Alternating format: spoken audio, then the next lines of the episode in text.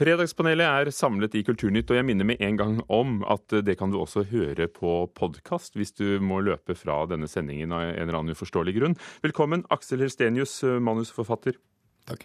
Bente Eriksen, eh, direktør for Nobels fredssenter. Ja, hei. Og Terje Eidsvåg, velkommen tilbake, kommentator i Adresseavisen i Trondheim. Hei. Aller første valgspørsmål handler om, om, film, eh, og det passer jo godt, siden vi har eh, på forskjellige måter tre forskjellige filmfolk her. Med regjeringens filmmelding kommer Norge til å lage langt færre filmer. Det sa Terje Gaustad, som er en eh, filmprodusent og ekspert ved Handelshøyskolen BI denne uken. For en uke siden la kulturministeren frem regjeringens filmmelding, og i dag spør vi hvis det blir noen færre norske filmer. Er det så nøye, Aksel? Nei. Bente? Jeg har altså to svar, da. Og det er om vi snakker om filmer Eh, Men her avkreves du ett først. Ja og Nei. Terje. Ja. Hvor- Hvorfor er det, er det virkelig mengden og ikke kvaliteten som kommer an på, Terje? Eh, Det henger litt sammen. Det var jo to spørsmål egentlig som ble stilt her. Eh, Denne eh, Terje Gaustad sa langt færre, mens du sa noen færre. Om det blir et par færre, er det, er nok ikke så nøye. Men hvis man skal lykkes i det feltet her med å få frem jevnlig et par store, brede filmer, og kanskje også noen spisse, ambisiøse, så må det et volum til for at man skal få frem topper både når det gjelder den, både den kunstneriske og den kommersielle delen av, av norsk film. Så må det et volum til hvis man skal eh, jevnlig produsere eh, de toppene som eh, de, vi alle vil ha. Ja, men altså, eh, Det som er viktig, tror jeg er at vi snakker vi om eh, de filmene som eh, uten det som heter forhåndsstøtte, så er jo svaret nei, det er virkelig ikke så forferdelig nøye om det blir litt færre filmer. Men hvis vi snakker nettopp om de kunstneriske filmene, de som får forhåndsstøtte, og at forhåndsstøtten blir mindre, ja da er det faktisk veldig nøye, altså. Mener du at det ikke lages kunstneriske filmer som ikke får støtte? Mm, ja, hva sa du nå? Eh, At de filmene som ikke får støtte, de kan ikke være kunstneriske? Nei, det er ikke det jeg sier, men vi vet jo at eh, Jeg er en av de få i dette landet som har sett de 34 filmene som ble laget hvert år de to siste årene. Og det er helt klart at noen av dem behøvde ikke vært laget. Og noen av dem hadde ikke høy kunstnerisk verdi. Ja, jeg svarte jo nei, og, men jeg mener jo at vi skal fortsette å lage drama på film eller TV. Jeg ser ikke så veldig stor forskjell på det. Jeg ser jo bare at ting endrer seg. Det er færre folk som går på kino for å se såkalt smale filmer. Og det har det vel egentlig alltid vært. Kanskje det går liksom litt... Har det alltid vært færre folk? Nei, alltid vært færre folk som ser smale filmer enn brede filmer. Altså, film, film er jo et massemedium. Starta som istedenfor sterke menn på, på sirkus. Så fikk vi filmen etter hvert. Så det har jo vært et underholdningsmedium. Selvfølgelig også noe annet. Og nå er vi nede i en bølgedal. Det er alt streames, og folk sitter hjemme og ser både smale og brede filmer. Han går mindre på kino, så jeg tror det regulerer en god del av det som blir produsert. For at Du kan ikke fortsette å produsere filmer for 1000 mennesker. Det kan du bare ikke gjøre. Så det vil regulere seg selv, uansett om vi har Arbeiderpartiet på toppen eller Høyre på toppen. Ja, det tror jeg vi er helt enige Ja, om. det- Men det- at vi, Unnskyld. Kast deg på, Terje. Ja, det er, det det er vel ingen som er uenig om, men et annet trekk er jo at de filmene som, som, som går og går godt på kino, koster mer og mer. Eh, Så det ergo så hvis du skal få det eh, Det må være en kritisk masse. Eh, Jeg tror ingen av oss, eller noen i Norge, egentlig vil se på det som et, et stort tap om det blir noen få, noen færre filmer, men, men når utviklinga går mot også at de filmene som i alle fall gjør det godt på kino, koster mer og mer å lage, eh, så, så, så må, det en, eh, må det en kritisk masse til for at eh, du skal få frem både kvalitet og, og bredde i, i norsk film. Men det er, mange, det er mange måter å få erfaring på. Nå var det Bentes tur også. Ja, det var akkurat det jeg også skulle si. Det handler jo ikke bare om det vi snakker om, men det handler jo faktisk også om at folk må få lov å lage film oftere, for da blir de ofte gode til å lage film. Og i dette landet så er vi så utrolig Vi vinner verdensmesterskapet i debutfilmer. Eh, Og, og, og det er vel eh, ikke så ille Hvis de ikke får støtte, spiller det ikke noen rolle om de, eh, de lager filmene sine, nå. Eh, selv om du kanskje ikke alltid liker dem. Siden du sa det var viktig hvilke filmer som vi går glipp av eventuelt. Nei, men jeg tenker at det er viktig at folk får lov å lage film og prøve seg, både på de kommersielle filmene, men film er jo faktisk også en kunstart, da. Men nå må vi snakke om Snowden. Det er ikke bare sterke menn. Apropos sterke menn. Neste spørsmål. Den amerikanske varsleren Edward Snowden får Bjørnsonprisen for 2015. Noen mener han er en viktig ytringsfrihetsforkjemper. Andre sier han har satt menneskers liv i fare og gjort terroristers jobb lettere. Bør regjeringen tillate at Snowden kommer?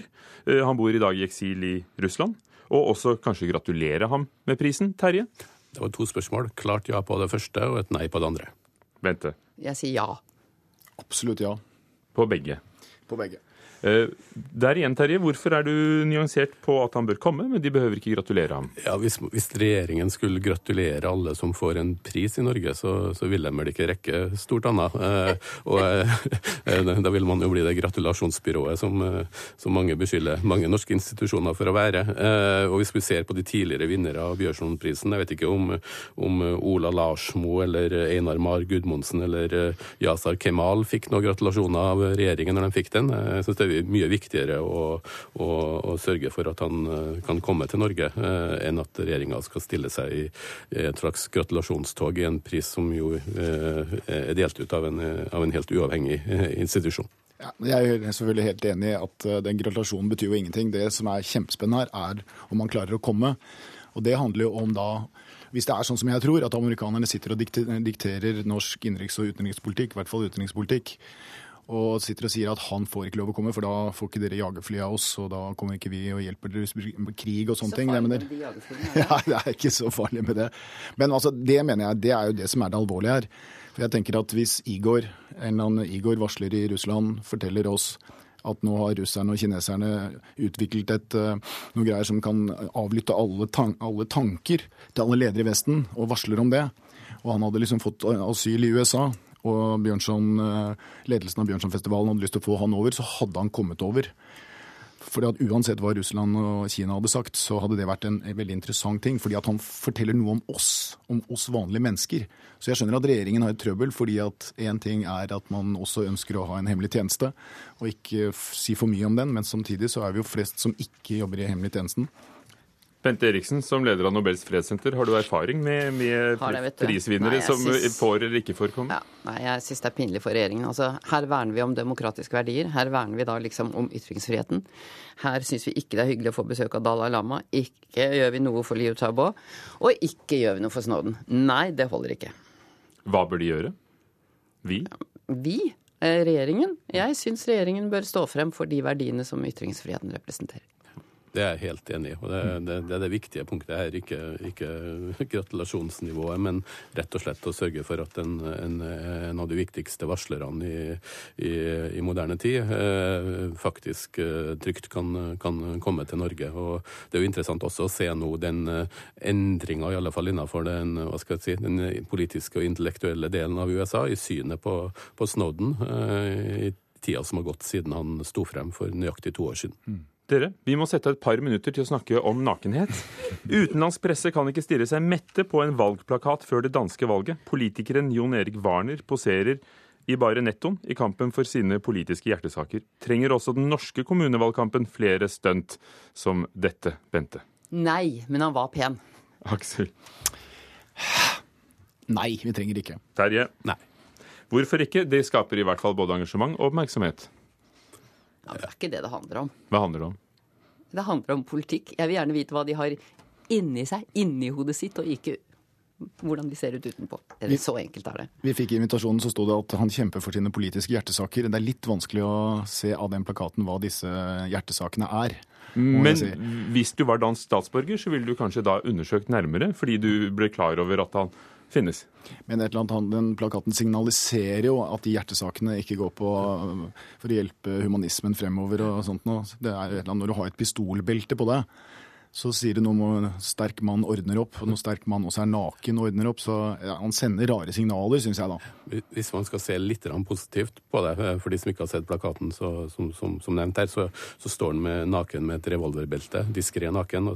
Men det som er litt bra med plakaten, og som kanskje også norske politikere kan lære av, det er ikke nakenheten, men humoren og, og tilløpet til selvironi. Eh, eh, og det elementet kunne med fordel eh, inspireres og være mer av også i norsk politikk. Vi kan utfordre Raymond og Fabian. Vladimir Putin stiller jo ofte i bar overkropp. Her er riktignok også underkroppen eh, bar, men det signaliserer jo kanskje noe som slår an. Og med gevær. Akkurat. Så det er jo et eller annet dette med menn må jo være nakne med gevær. Så vi lurer på hva vil en naken kvinne, hva slags belte hadde hun tatt på seg? Mm, Vi har jo hatt en, et parti som har hatt uh, avkledde politikere på kalender. Ja. Terje Eidsvåg, det er, jo, det er jo et fenomen som har bredt om seg. Alt fra brannmenn til rugbyspillere og senterpartipolitikere har jo kledd av seg det siste. Hvorfor ikke resten? Mer sånn mykpornofisering av noe trekk i samfunnet tror jeg ikke er godt for noen. Men akkurat det humorbiten jeg, klar, jeg tror ikke Putin verken har ment eller ser noe humor i, i den ikoniske avbildningen av seg selv. Men det er ingen tvil om at den, den plakaten her med 'Stem på Wagner, det gavner', den har, den har, en, den har en, humoristisk snert også, som, som det er liten grunn til å moralisere over. Tvert imot. Takk skal dere ha, Fredagspanel, Terje Eidsvåg i Adresseavisen, Bente Eriksen ved Nobels fredssenter og forfatter Aksel Helstenius.